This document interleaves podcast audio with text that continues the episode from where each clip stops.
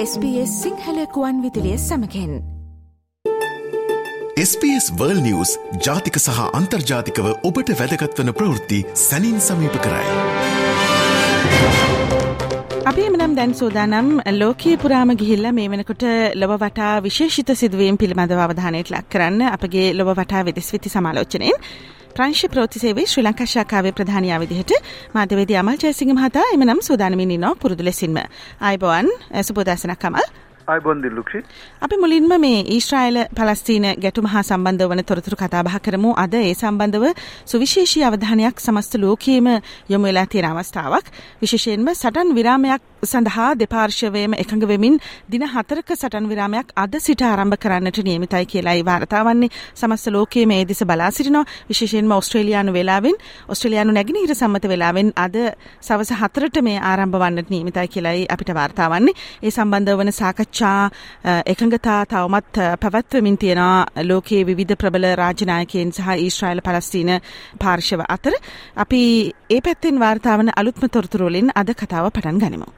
ඔව් දිලුක්ෂි මෙතන මේ සටන් විරාමයේ ක්‍රියාත්මක කරන්නටත් ඒ එක්කම ඒට සමගාමීව හමාස් සංවිධානය විසින් අත්අඩංගුවට ගත්ත ප්‍රාණාපකරුවන් 50ක් මුදා හැරීමේ කටයුත්ත සම්බන්ධයෙන් දෙපාර්ශ්වම අතර සාකච්ඡා ඇති වෙලා තියෙනවා. මේ සාකච්ඡාවල ඉදිරියට ගෙන යාම සඳහා ඇමරිකාවේ ජනාධිපති ජෝ බයිඩන් බදාදා වෙනකොට ඊශ්‍රායල් නායකයන්ටත් ඒ වගේම කටා රාජ්‍යයේ නායකයන්ටත් ඊජිප්තුවේ ජනාධිපතිටත් සමග සාකච්ඡා පවත්වලා තිබුණා. ඒ සාකච්ඡාවල ප්‍රතිඵලයක් හැටියට තමයි මේ විදිහට මේ සටන් විරාමයේ දින හතරක සටන් විරාමය ක්‍රියාත්මක වෙන්නේ. නමුත් ඇත්තටම මේක ක්‍රියාත්මක වෙන්න තිබුණේ ඊයේ ඉඳලා. මොකක් හරි හේතුවක් නිසා මේ කාරණාව තව දවසකින් පස්සට ගියා. ඒ අනුව තමයි අද උදේ ඉඳලා මේ සටන් විරාමයේ ඇති වෙනවත් එක්කම හමාස් සංවිධානයේ බාහිර සිටින ප්‍රාණ ප්‍රාණාපකරුවන් 50ක් මුදා හරිනටත් ඒ වගේම ඊශ්‍රායලයේ ස්ථිරගත කරලා තියෙන 150ක පලස්තීන ජාතිකයන්. කාන්තාවන් සහ අවුරුදු 18ට අඩු ළමුන් 150ක් නිදහස් කිරීමට එකඟතාවය ඇති වෙලා තියෙනවා. මේ එකඟතාවය ගැන වැඩිදුරටත් සාකච්ඡා කිරීමට තමයි ජෝ බයිඩන් ජනාධිපතිවරයා කටාර් රාජ්‍ය ඒකම ඊශ්‍රායල් අග්‍රාමාත්‍යවරයා සහ ඊජිප්තු ජනාධිපතිවරයා සමග සාකච්ඡා බදාදා පැවැත්වුවේ ඒකේ ඍජු ප්‍රතිඵලයක් හැටියට තමයි මේ දින හතරක සටන් විරාමය ඇති වෙන්නේ. අමල් එතනදී ඊශ්‍රායලය කියනවා නේද මේ සටන් විරාමයේ තිබුණට ඒගොල්ලන්ගේ සටන් ගාසා තීරයේ පවත්වන සටන් අඛණ්ඩවම ක්‍රියාත්මක කරනවා කියලා. එතකොට ඊශ්‍රායලය පැත්තේ මේ ඔවුන්ගේ ඉදිරි සටන් සඳහා ලැබෙන තොරතුරු මොනවද? ඔව් මේක ඇත්තටම නෙටන්යාහු අග්‍රාමාත්‍යවරයා බොහොම දැඩි ලෙස සඳහන් කරලා තියෙනවා මේක ඇත්තටම ඔහු සටන් විරාමයක් හැටියට හඳුන්වන්නටත් අකමැති. මෙතනදී ඔහු ප්‍රකාශ කරන්නේ යුද්ධමය තත්ත්වයේ යම්කිසි විරාමයක් තිබුණට ඊශ්‍රායලය සම්පූර්ණයෙන්ම කැපබලා සිටිනවයි කියලා හමාස් සංවිධානය සහ මුලින්ම විනාශ කිරීමට. ඒ කටයුත්තෙන් කිසිම වෙනසක් නැහැයි කියන කාරණාවත් ඊශ්‍රායල් අග්‍රාමාත්‍යවරයා අවධාරණය කළා තියෙනවා. නමුත් අර ලෝක බලවතුන්ගේ දැඩි බලපෑම මැද්දේ ඔහු එකඟ වෙලා තියෙනවා සටන් විරාමයක් කියලා සඳහන් නොකලට අර සිරකරුවන් මුදා හැරීමට ඒ එක්කම තමන්ගේ යුදෙව්වන් ඉස්්‍රයිල් ජාතිකයන් දැනට හමා සංවිධානය තියෙන අයව ගලවා ගැනීමේ ඒ කටයුත්ත සඳහා පමණක්ම කියල තමයි ඊස්ට්‍රයිලය මෙතනදි සඳහන් කරන්න. ගාසා තීරයේ ප්‍රධානතම රෝහල අල් ශිෆා රෝහල පිළිබඳව දැවන්ත අවධානයක් පසුගිය කාලවකවානුවේදී තිබුණ ඊශ්‍රායල විසින් එල්ල කරන ලද ගුවන් ප්‍රහාරවලින් දැඩි ලෙසින් අලාභහානි සිදුවුණු රෝහලක් මේක. ඒ වගේම විශාල ජීවිත සංඛ්‍යාවකුත් අහිමි වුණා. කුඩා දරුවන් පවා මෙහිදී මියගිය ඡායාරූප අන්තර්ජාලය හරහා හුමාරු වෙනවා අපි දැක්කා. එතනදී අපිත් මේ විශේෂාංගෙන් කතා බහ කළා. මේ ඔබට මතක ඇති ඊශ්‍රායලය පැත්තිෙන් චෝදනා කරන්නේ මේ අල්ශිෆා රෝහල මේ හියමන් ගාඩ් එකක් විදිහට මේ මානුෂීය රැකවරණයක් විදිහට තියාගෙන හමස් සංවිධානය කටයුතු කරනවා කියලා විශේෂණම භූගත බංකරවල මේ හමස් සන්නද්ධ කණ්ඩායම ඉන්නවා මේ රෝහල ආශ්‍රිතව කියලා ලොකු කතාවකුත් තිබුණා. ඒ අතරතුරේදී අපිට දැන් අද පාන්දර වෙනකොට වාර්තා වෙනවා මේ අල්ශිෆා රෝහලේ ප්‍රධානියා ඊශ්‍රායලය විසින් අත්අඩංගුවට ගත්තා කියලා. මේක කොහොමද ඊශ්‍රායලය කරලා තියෙන්නේ? ඒකට මොනවද මේ අත්අඩංගුවට ගත්ත රෝහලේ ප්‍රධානියා සතුව තියෙන සැකසහිත සාක්ෂි ඊශ්‍රායලයේ විශ්වාස කරන විදිහට අපි කැමති වැඩිදුර තොරතුරු දැනගන්න. ඔව් දිල්ලුක්ෂි මෙතන මේ රෝහලේ ප්‍රධානියා හැටියට කටයුතු කරේ මොහමඩ් අබු සල්මියා කියන වෛද්‍යවරයා. ඔහු තමයි බොහෝ වෙලාවට ජාත්‍යන්තර මාධ්‍යයට මේ අල් ශිෆා රෝහලේ තියෙන තත්ත්වය පිළිබඳ තොරතුරු ලබා දුන්නේ. විශේෂයෙන්ම මරණ සංඛ්‍යාව ඒ වගේම කුඩා දරුවන්ට කුඩා දරුවන් කොපමණ ප්‍රමාණයක් මේ රෝහලේ හිටියද ඔවුන්ගේ විශේෂයෙන්ම ඉන්කියුබේටර් වගේ ඒවා ක්‍රියාත්මක නොවීම සම්බන්ධයෙන් ඒ විදිහට ඉතාමත්ම සංවේදී කරුණු ලෝකයට හෙළිදරව් කරන්නට ඉදිරිපත් වුණේ මොහමඩ් අබු සල්මියා කියන මේ වෛද්‍යවරයා. මෙතනදී ඊශ්‍රායල් හමුදාව මේ රෝහල අත්පත් කර ගැනීමත් එක්කලා ඔහු චෝදනා කළා තියෙනවා අබු අල් සමියා කියන වෛද්‍යවරයා හමාස් සංවිධානයට ආධාර අනුබල ලබා දුන්නයි කියලා. විශේෂයෙන්ම හමාස් සංවිධානයේ ඔබ සඳහන් කර භූගත උමං පද්ධතිය ඒක මේ අල් ෂෆියා රෝහලත් සම්බන්ධ කරගෙන මේ රෝහලට ලැබෙන ඉන්ධන වගේ දේවල් මේ රෝහලෙන් පිට කිරීමට මේ වෛද්‍යවරයා හමාස් සංවිධානයට සැපයුවා කියන චෝදනාව ඊශ්‍රායල් හමුදාව විසින් කළා තියෙනවා. ඉතින් ඒ අනුව තමයි මේ වෛද්‍යවරයාත් තවත් වෛද්‍යවරයෙකුත් සහ ඊට අමතරව හෙද නිලධාරීන් දෙදෙනෙකුත් මේ වෙනකොට මේ රෝහලෙන් අත්අඩංගුවට අරන් තියෙනවා. ඔවුන් සම්බන්ධයෙන් ඉදිරි කටයුතු කරනවයි කියලා නීතිමය කටයුතු පියවර ගන්නවයි කියලා ඊශ්‍රායලය හමුදාව ප්‍රකාශ කරලා තියෙනවා. නමුත් ඒකම හමාස් සංවිධානයේ දිගින් දිගටම ප්‍රකාශ කරලා තිබුණා මේ වෛද්‍යවරයා තමන්ගේ සංවිධානයට කිසිම සම්බන්ධයක් නැtei කියලා. ඒ එක්කම ඔවුන් ජාත්‍යන්තර සංවිධාන විශේෂයෙන්ම ජාත්‍යන්තර රතු කුරුසෙන් ඉල්ලීමක් කළා තියෙනවා. මේ වෛද්‍යවරයා නිදහස් කරගෙන මේ රෝහලේ දැනට රැඳී සිටින සුළු පිරිසක් වන රෝගීන්ට ප්‍රතිකාර කිරීම සඳහා ඔහුගේ සේවය ලබා දීමට ඔහුව ඊශ්‍රායල් හමුදාවෙන් නිදහස් කරගන්න ලෙස ජාත්‍යන්තර ආයතන වලින් සහ අනිකුත් රාජ්‍යයන්ගෙන් ඉල්ලීමකුත් කළා තියෙනවා. මීළඟට සමස්ත ලෝකීම අවධානය යොමු වෙලා තියෙන්නේ නෙදර්ලන්තයේ ඇතිවුණු පාලන පෙරලිය. විශේෂයෙන්ම නෙදර්ලන්තයේ පැවැත්වුණු මහමැතිවරණයෙන් පත්වුණු නායකයා අන්ත දක්ෂිණාංශික පුද්ගලයෙක්. මේක විශේෂයෙන්ම මේ නෙදර්ලන්තයේ ඉදිරි පාලනයට කෙසේ බලපාවිද? එවගේම අනිකුත් රටවල් වල එක්ක තියෙන සම්බන්ධතාවයට කෙසේ බලපාවිද කියලා විශේෂිත අවධානයක් තියෙනවා ලෝකයේ පුරාම.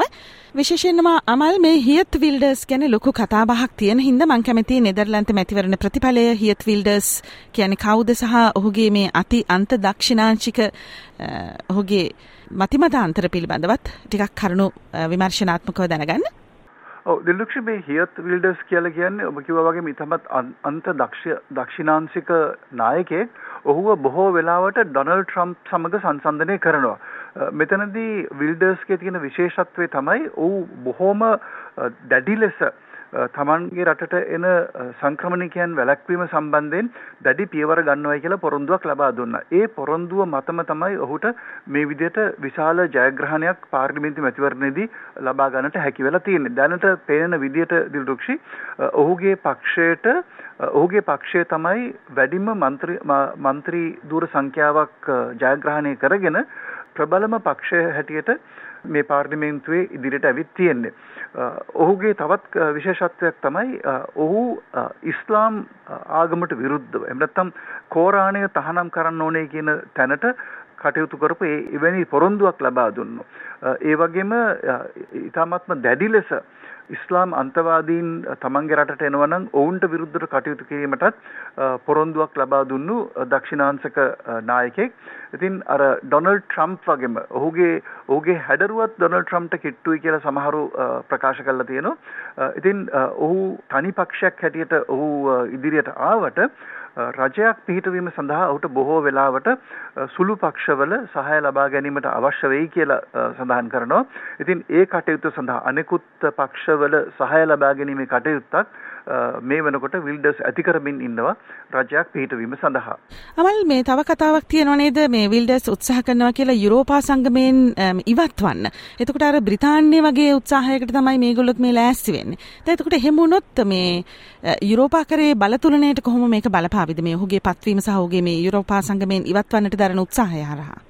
ඔව් ඒක තමයි දිල්ලුක්ෂ මේ විල්ඩර්ස්ගේ ජයග්‍රහණයත් එක්ක මුළු යුරෝපයේ අනෙකුත් රටවලුත් මේ පිළිබඳ දැඩි අවධානයෙන් ඉන්නේ අර බ්‍රෙක්සිට් එක වගේම විල්ඩර්ස් උත් සඳහන් කරලා තියෙනවා නෙක්සිට් එකක්. එහෙම නැත්නම් නෙදර්ලන්ඩ්ස් එක්සිට් කියන සටන් පාඨය ඔහු පාවිච්චි කළා තමයි මේ ඡන්දේ ඡන්දයට ඉදිරිපත් වුනේ.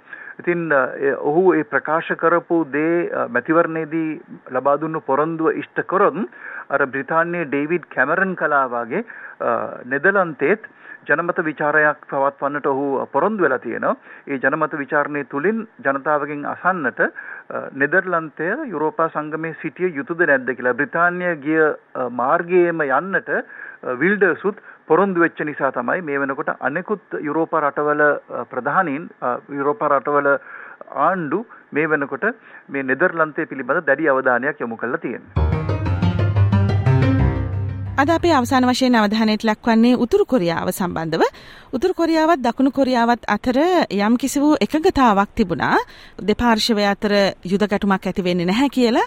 ඒ වගේම යම් කිසි වූ අනාරක්ෂිත තත්වයක් ඇති වුණොතින් දෙපාර්ශවය අතර තොරතුරු හුවමාරු කරගැනීමේ යම් සැලැස්මක් තිබුණා. ඒ සඳහා එකඟතා දෙරට අතර ඇති කරගෙන තිබුණේ. මේ එකඟතාවලින් ඉවත් වන්නට උතුරු කොරියානු නායක කිම් ජොන් උන් තීරණය කළා. මොකක්ද මේ පසුපස තියෙන කතාව?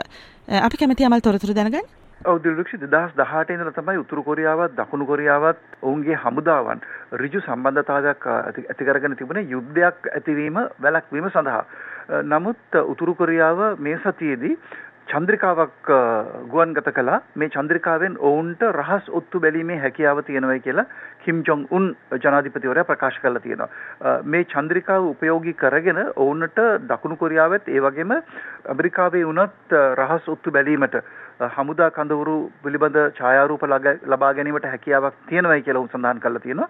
ඉතින් මේ චන්ද්‍රිකාව ගුවන්ගත කරලා සාර්ථකව ගුවන්ගත කිරීමෙන් පසුව තමයි මේ විදිහට උතුරු කොරියාව සඳහන් කරලා තියෙන්නේ 2018 ගිවිසුමෙන් ඔවුන් ඉවත් වෙනවා. මින් ඉදිරියට උතුරු සහ දකුණු කොරියාවන් අතර තිබිච්ච ඒ ඍජු හමුදාවන් අතර තිබිච්ච ඍජු සම්බන්ධතාවය මින් නිමා කරනවා කියලා. ඉතින් මේක දෙරට අතර යම්කිසි ඝර්ෂණයක් ඇතිවීමේ ප්‍රවණතාවය වැඩි වෙලා තියෙනවා. මෙතන දකුණු කොරියාව මේ මේ හෙලා දැකලා තියෙනවා.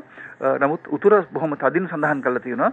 ඕනට ලැබිච්ච මේ චන්ද්‍රිකා තාක්ෂණය විශේෂයෙන්ම මාස කිහිපයකට කලින් කිම් ජොන් උන් රුසියාවට ගිහිලා රුසියාවේ සහාය ඇතිව ඒ ලබාගත්තු චන්ද්‍රිකා තාක්ෂණයෙන් පසුව ඔවුන්ට මේ විදිහට දකුණු කොරියාවත් සමග හමුදා සම්බන්ධතාවය අවශ්‍ය නැහැ කියන පදනම් මත තමයි ඔවුන් මේ අලුත් පියවර අරගෙන තියෙන්නේ. අපේ ස්තුතිය පළ කරමින් එහෙමනම් සමුදෙනවා අමල් බොහොම ස්තුතියි ලෝකයේ තත්විති සමීප කරන්න මෙවරත් සම්බන්ධ වුණාට. යලිත් හමුවෙමු ලබන සිකුරාදා. ආයිබෝවන්. ආයිබෝවන් දිල්රුක්ෂි.